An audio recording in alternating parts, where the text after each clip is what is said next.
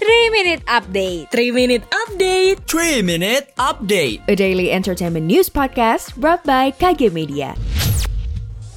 Berita pertama, dilansir dari kompas.com sejumlah pembalap MotoGP udah sampai di Lombok untuk melakukan uji pramusim di sirkuit Mandalika. Para pembalap dijadwalkan bakal ngelakuin balapan pramusim pada 11 sampai 13 Februari 2022. Sebelum balapan pramusim, seluruh pembalap harus lakukan karantina di hotel selama sehari. Setelah karantina, mereka baru bisa berkeliling pedok dan mengatur motor masing-masing. Mereka bakal melakukan survei track pada hari Kamis. Seluruh pembalap MotoGP udah tiba di Lombok sejak hari Senin kemarin. Mark Marquez dan teman-teman sebelumnya habis ngelakuin balapan pramusim di sirkuit Sepang, Malaysia. Pengen gak sih nambah wawasan yang enggak diajarin di sekolah? Seperti logika dasar, critical thinking, public speaking, atau bahkan NFT? Kuy, dengerin podcast Obsesif yang akan membahas seputar pengembangan diri dan soft skills khusus buat kamu. Persembahan Media Podcast Network by KG Media, hanya di Spotify. Kita beralih ke berita selanjutnya dilansir dari kompas.id.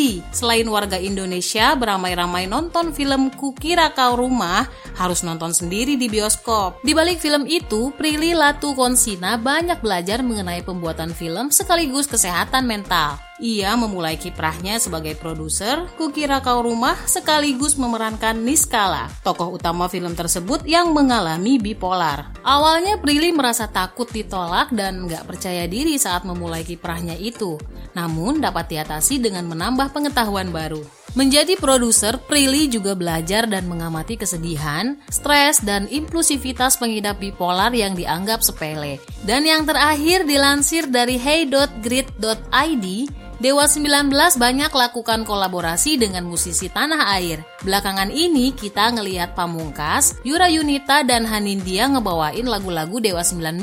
Ternyata hal itu dilakuin bukan tanpa alasan. Ahmad Dhani bilang saat diwawancara David Bayu kalau tahun ini Dewa 19 genap berusia 30 tahun. Mengingat banyaknya fans Dewa, mereka mau ngerayainnya secara besar-besaran. Makanya menuju 2022 Dewa 19 banyak ngelakuin kolaborasi sama musisi Indonesia. Dewa 19 adalah band yang dibentuk pada 1992.